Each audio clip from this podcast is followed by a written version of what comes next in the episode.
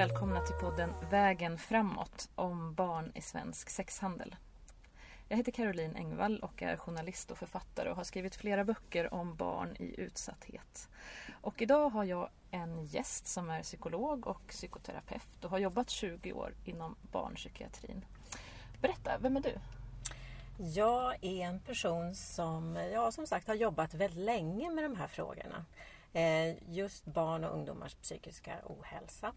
Och de senaste tio åren har jobbat just väldigt mycket med barn som är utsatta för trauma och deras möjlighet till vård. Så. Och du heter Poa Samuelberg och har ett alldeles speciellt uppdrag just nu. Vill du berätta lite om det? Mm. Jag har lämnat barn och ungdomspsykiatrin eh, alldeles nyligen och börjat på något som heter Barnafrid. Ett kunskapscentrum, ett nationellt kunskapscentrum som ligger vid Linköpings universitet. Och det har ett uppdrag att just arbeta med att sprida kunskap om vad är trauma, vad är effektiv behandling och att möjliggöra för att fler barn och ungdomar ska få riktig vård. Och vad är ett trauma? Det är det vi ska prata om i det här mm. poddavsnittet idag. Hur kan man förklara det? Hur kan man se på utsidan om någon är traumatiserad? Vilka signaler kan man titta efter och vad kan det leda till? Och framförallt också hur en behandling går till. Det är det vi kommer att röra oss kring idag. Mm, mm. Det här med trauma, traumatisering är någonting som man pratar om väldigt mycket de senaste åren. Och, eh, eh för att just höja kunskapen så, så kan jag passa på att berätta att jag har skrivit en ny handbok tillsammans med ett par kollegor som just heter Traumatisering hos barn. En handbok som vänder sig till professionella både inom skola, barn och ungdomspsykiatri och elevhälsa, primärvård. För att belysa de här frågorna. Och så. Eh, trauma är egentligen grekiska. Det betyder skada eller sår. Och när vi pratar om det kopplat till psykisk ohälsa så handlar det om inre reaktioner. Alltså hur man mår efter skrämmande, otäcka, förvirrande händelser. Och de här händelserna de kan ju vara av alla möjliga olika slag. Eh, det som är vanligt det är, i den här gruppen det är ju just sexuella övergrepp men också våld. Eller eh, upplevelser som man har i samband med att man är på flykt. Från krig till exempel. Eh, barn som har varit utsatta för svår mobbing över tid. Det kan vara att man har bevittnat våld av andra, ens föräldrar till exempel. Eh, och det kan vara förlust av anhörig. Man har sett någon, någon eh, väldigt nära dö på ett väldigt otäckt sätt till exempel. Mm. Kan man märka själv att man har blivit traumatiserad? Ja, det här är reaktioner som liksom kommer smygande. Så ofta så kanske det är någonting som omgivningen börjar tänka på mer. För det här blir ju liksom en, en långsam gradvis förändring hos människan. Eh, och det gör ju att det liksom normaliseras. Man, man, det blir inte rikt, alltid så att det, man upplever att det är före och efter utan det kommer gradvis. Eh, och det här handlar om reaktioner som dröjer sig kvar mer än kanske 3, 4, 5, 6 veckor. Och när kroppen inte återhämtar sig efter en kraftfull kris liksom, utan man, man, är fortfarande väldigt känslomässigt instabil. Man har svårt att slappna av. Kroppen går liksom på högvarv hela tiden. Eh, man får återkommande otäcka minnesbilder av det man har varit med om. Eh, om man tappar lust och förmåga eller ork att, att ta itu med sin vanliga vardag. När det här har pågått över tid, då pratar vi om trauma, traumatisering. Mm. Och det här kan också små barn drabbas av? Ja, absolut. Det här är någonting som drabbar små barn, äldre barn, barn i alla kulturer. Det drabbar ju förstås också vuxna. Ehm, och reaktionerna ser lite olika ut om det är små barn som drabbas eller om det är äldre tonåringar till exempel. På mindre barn så ser man det ofta mer i, koppling till att man eh, blir rädd för saker och ting. Eh, till exempel att vara själv, att lämna mamma och pappa. Man har jättesvårt med de här känslomässiga svängningarna och man blir lite svår att trösta. En del barn blir väldigt inåtvända och liksom tappar förmågan lite att kommunicera medan andra reagerar utåt. Kan bli trotsiga och, och får, får utbrott för, liksom, för omgivningen ganska obegripliga situationer. Och sen är det svårt just att orka med sådana här saker som man kanske har klarat tidigare. Som att leka normalt, lugnt och lite varierat med kompisar. Att fokusera på sina lekar till exempel. Ehm, medan om vi tittar på hur ungdomar reagerar så är det någonting som blir mer påverkat av de här minnesbilderna. Att mer eh, kopplat till att man grubblar kring det som hände, vad man själv hade för roll i det hela, hur det ska bli i framtiden, om man hade kunnat göra någonting annorlunda. Eh, och det här kan ju också påverka hopp om framtiden och öka nedstämdhet och depression och, och livslust på, på, på, så sätt. Eh, en del vänder den här typen av känslor och, och tankar inåt och eh, skadar sig själva. Eh, antingen genom att agera ut sexuellt och upprepa den typen av trauma man har varit med om eller just att använda sig av vanligt självskade eller mer sedvanligt klassiskt eh, självskadebeteende till exempel. En del andra ungdomar de blir mer inåtvända och eh, mer stumma i kontakten. En del unga som, som jag möter mm. Använder ju sex som en form av ångestdämpning. Till exempel för att ta mm. tillbaka kontrollen eller för att mm. uttrycka just det här traumat efter ett sexuellt övergrepp. Hur upplever du att förståelsen generellt för de unga ser ut i samhället idag?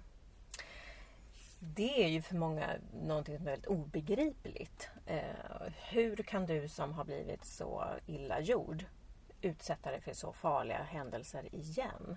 Det är liksom en, en, en vanlig reaktion och inte så konstigt att omgivningen tänker och funderar kring. Eh, det är lite grann motsvarande eh, där man funderar över kvinnor så, som eh, träffar en ny partner som har blivit utsatta för misshandel tidigare och går in i en relation där det här upprepas igen. Ehm, så att jag tänker att vi behöver höja kunskapsnivån generellt kring vad det här handlar om för någonting. För det, fyller, det här beteendet fyller lite olika funktion för olika ungdomar. För en del handlar det just om att ta kontrollen. För andra så blir det ett sätt att döva smärtan ett inte så särskilt funktionellt sätt förstås att hantera ångest och obehag. Mm. Ditt nya uppdrag på är ju att eh, höja kunskapsnivån i hela landet kring den här typen av frågor. Ja. Vilket verkligen behövs. Mm.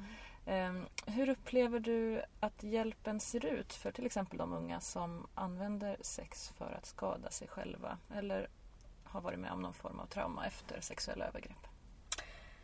Den ser tyvärr väldigt, väldigt olika ut. Ehm, det är väl min spontana reaktion. Ehm, tyvärr så har vi en vård som är väldigt ojämlik vad det gäller barn och unga som utsatts för olika typer av traumatiserande händelser.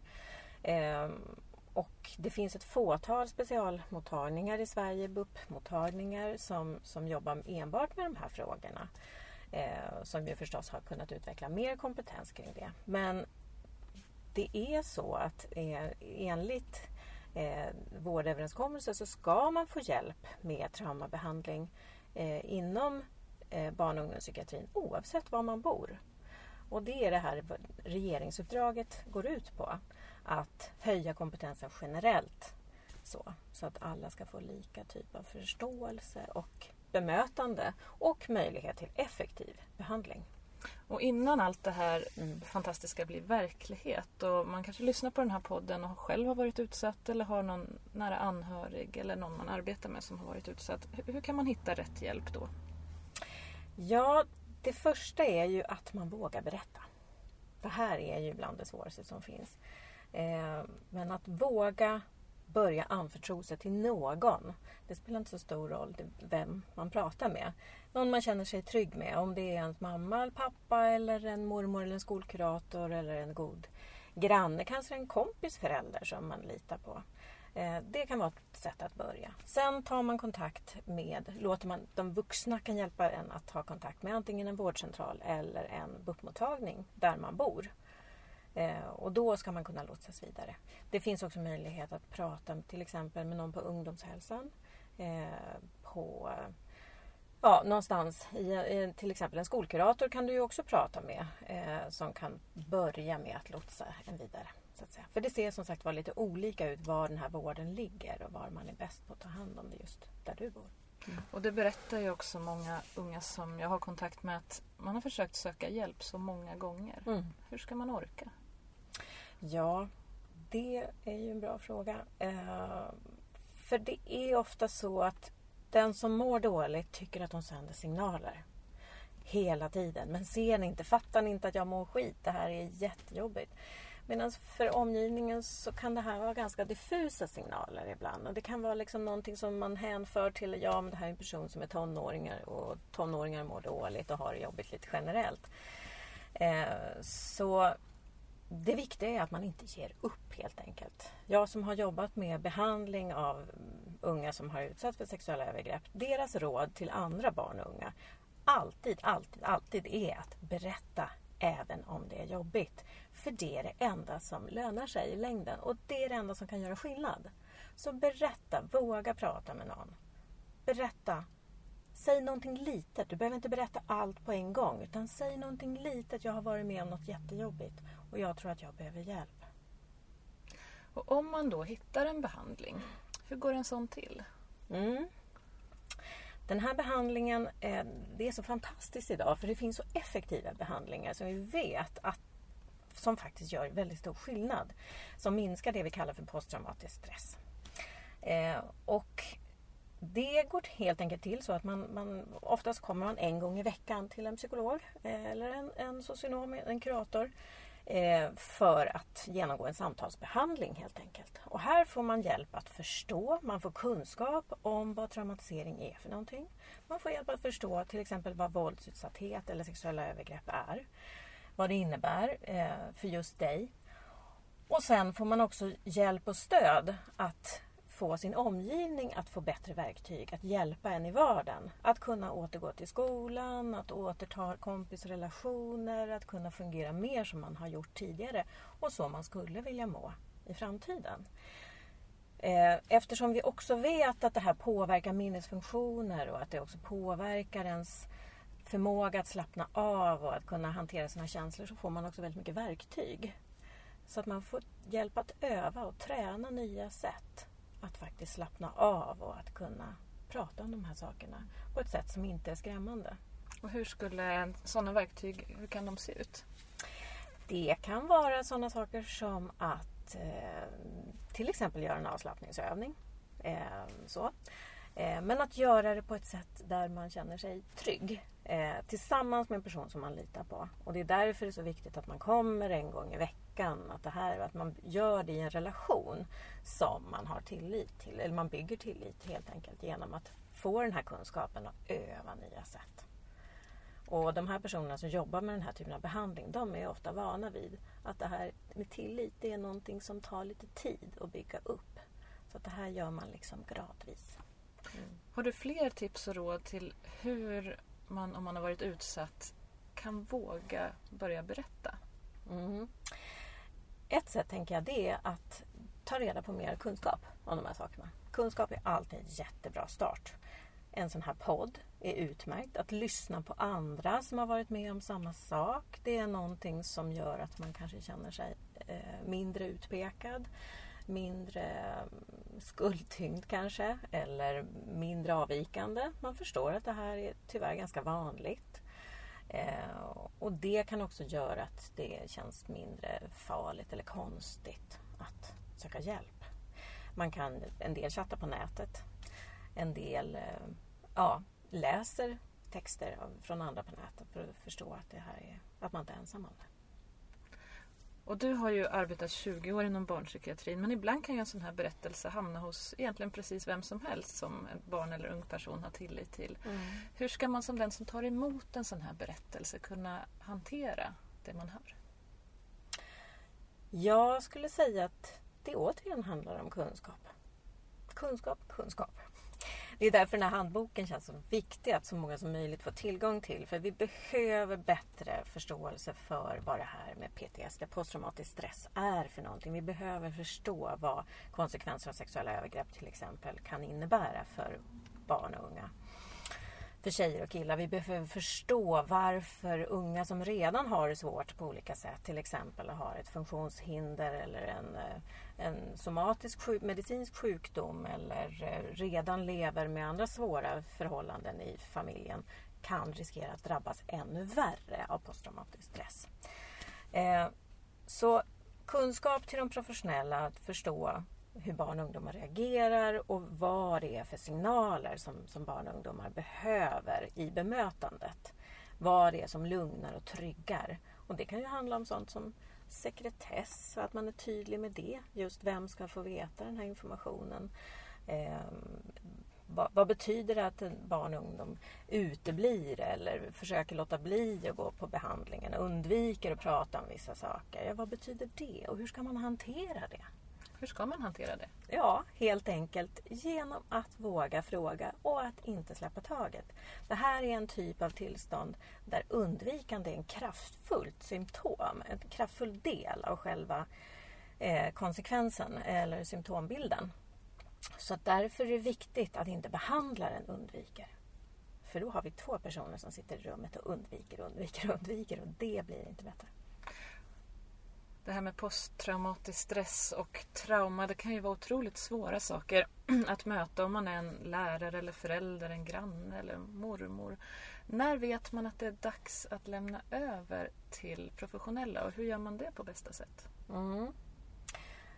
En, en del handlar väl om, om just att kommunicera med den som har blivit utsatt. Så att säga att uttrycka sin oro att inte göra saker och ting bakom ryggen på den här personen. Eh, just eftersom det handlar så mycket om tillit och sådana saker. Man kan ta reda på information men sen bör man liksom i samförstånd prata med den det gäller om sin egen oro och sin eh, brist på kompetens eller att här, här börjar och slutar det, det stöd som jag kan ge dig.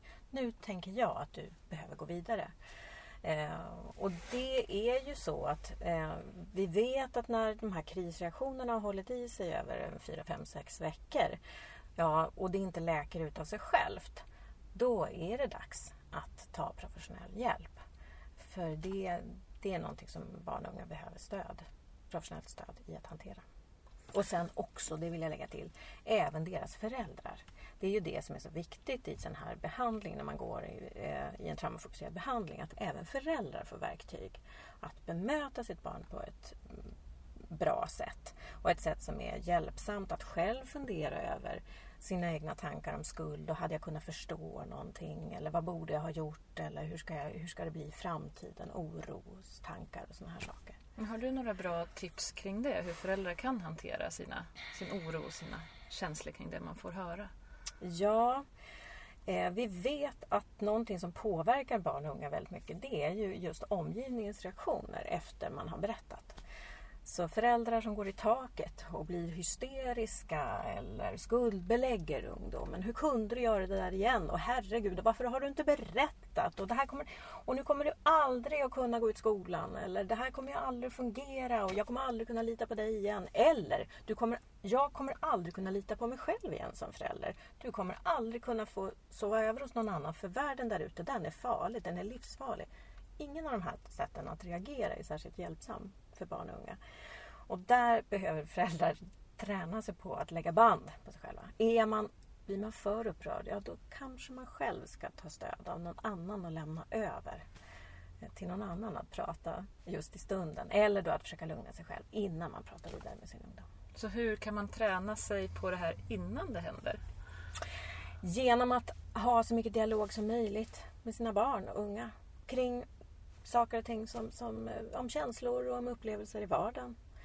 Vad har varit dagens bästa händelse? Vad har varit dagens sämsta händelse? Så att säga, i, när har man inte tyckt att livet var toppen idag? Utan vad var det som gjorde dig ledsen eller var svårt och jobbigt idag?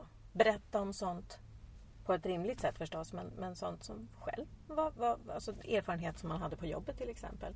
Eller med, med kompisar eller i vardagen, någonting, tillfällen man blev upprörd eller ledsen eller arg.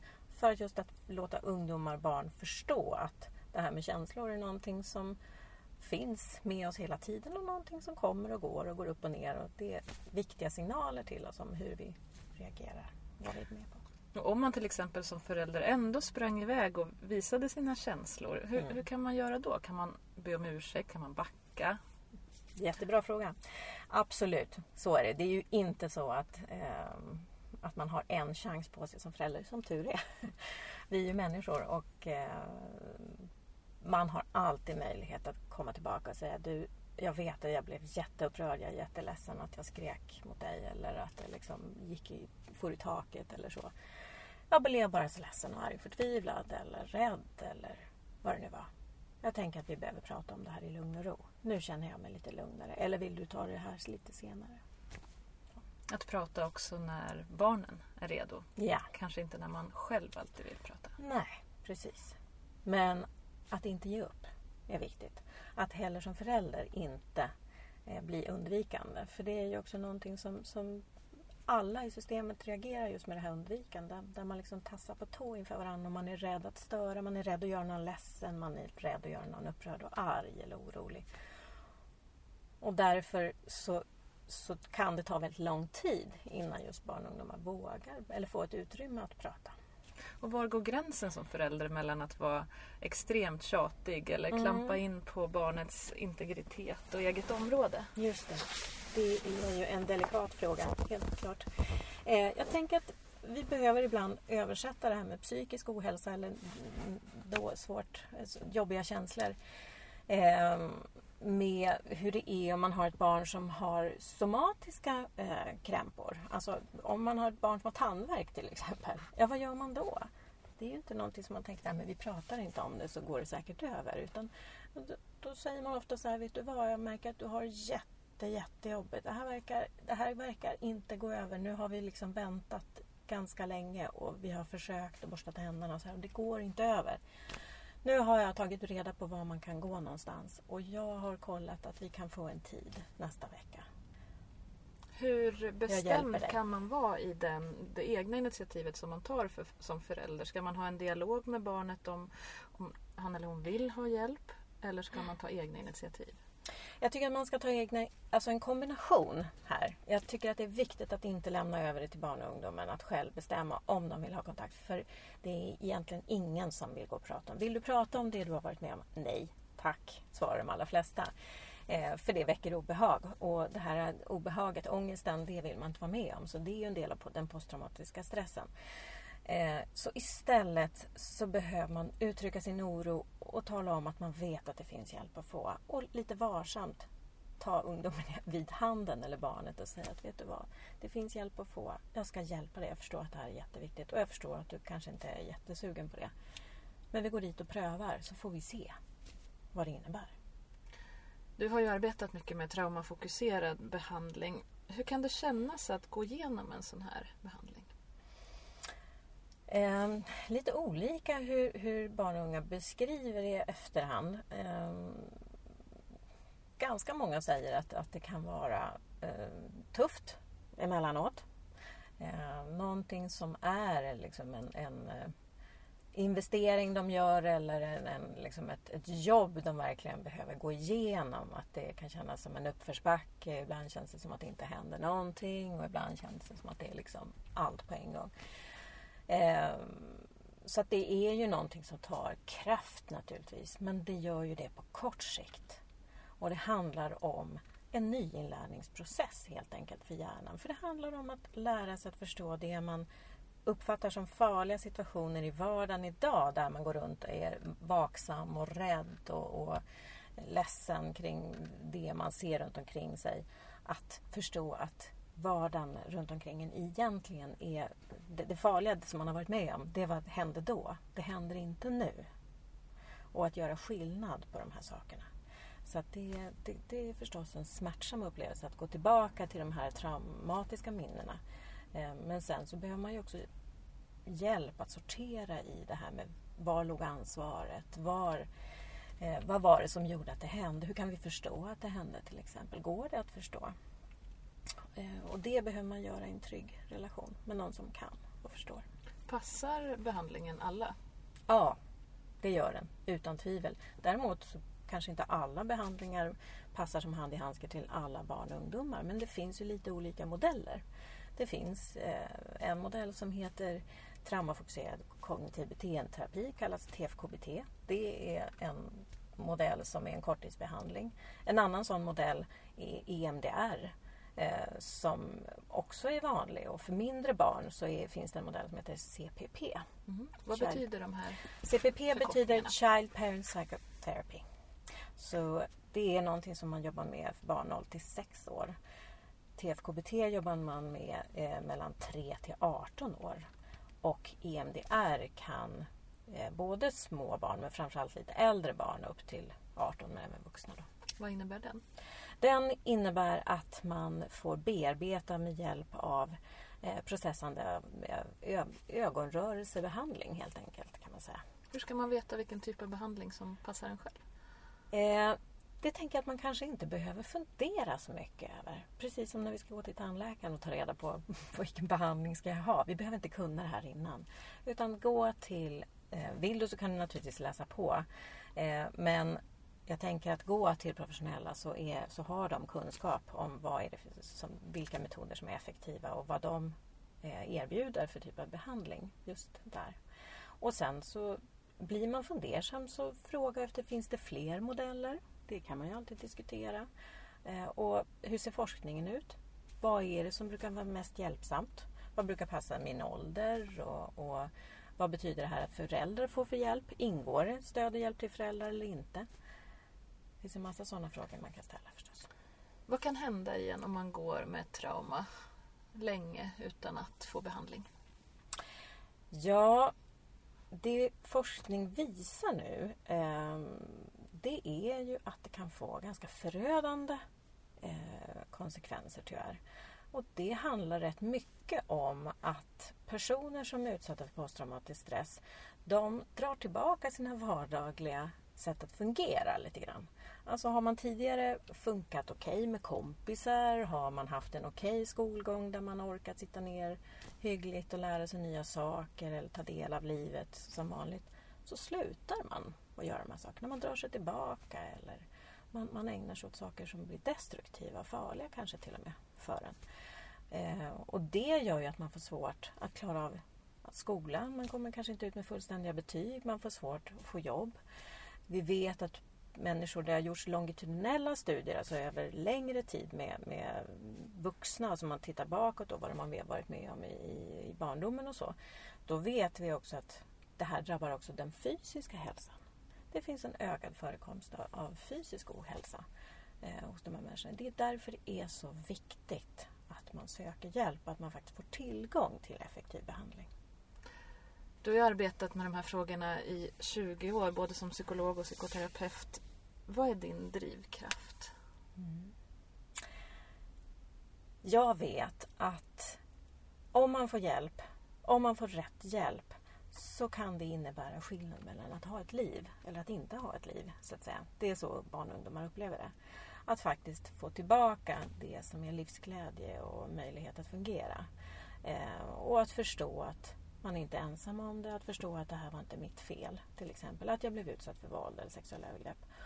Och det vet vi i sin tur eh, minskar risken att bli utsatt igen. Det är ju också oerhört viktigt. Att vi vill inte att det här ska upprepas i framtiden. Och det, det tycker jag är häftigt att se när man får den här kraften och glädjen tillbaka hos barn och unga. Mm. På Samuelberg, tusen tack för att du ville vara gäst här i podden idag och dela med dig av din kunskap. Du har gjort stora insatser för barn och unga som har varit utsatta för trauman och och eh, jag hoppas att lyssnarna har fått en ökad förståelse om just behandling och hur den kan fungera och varför det är så viktigt att faktiskt våga berätta och söka hjälp. Du har lyssnat på podden Vägen framåt och jag heter Caroline Engvall.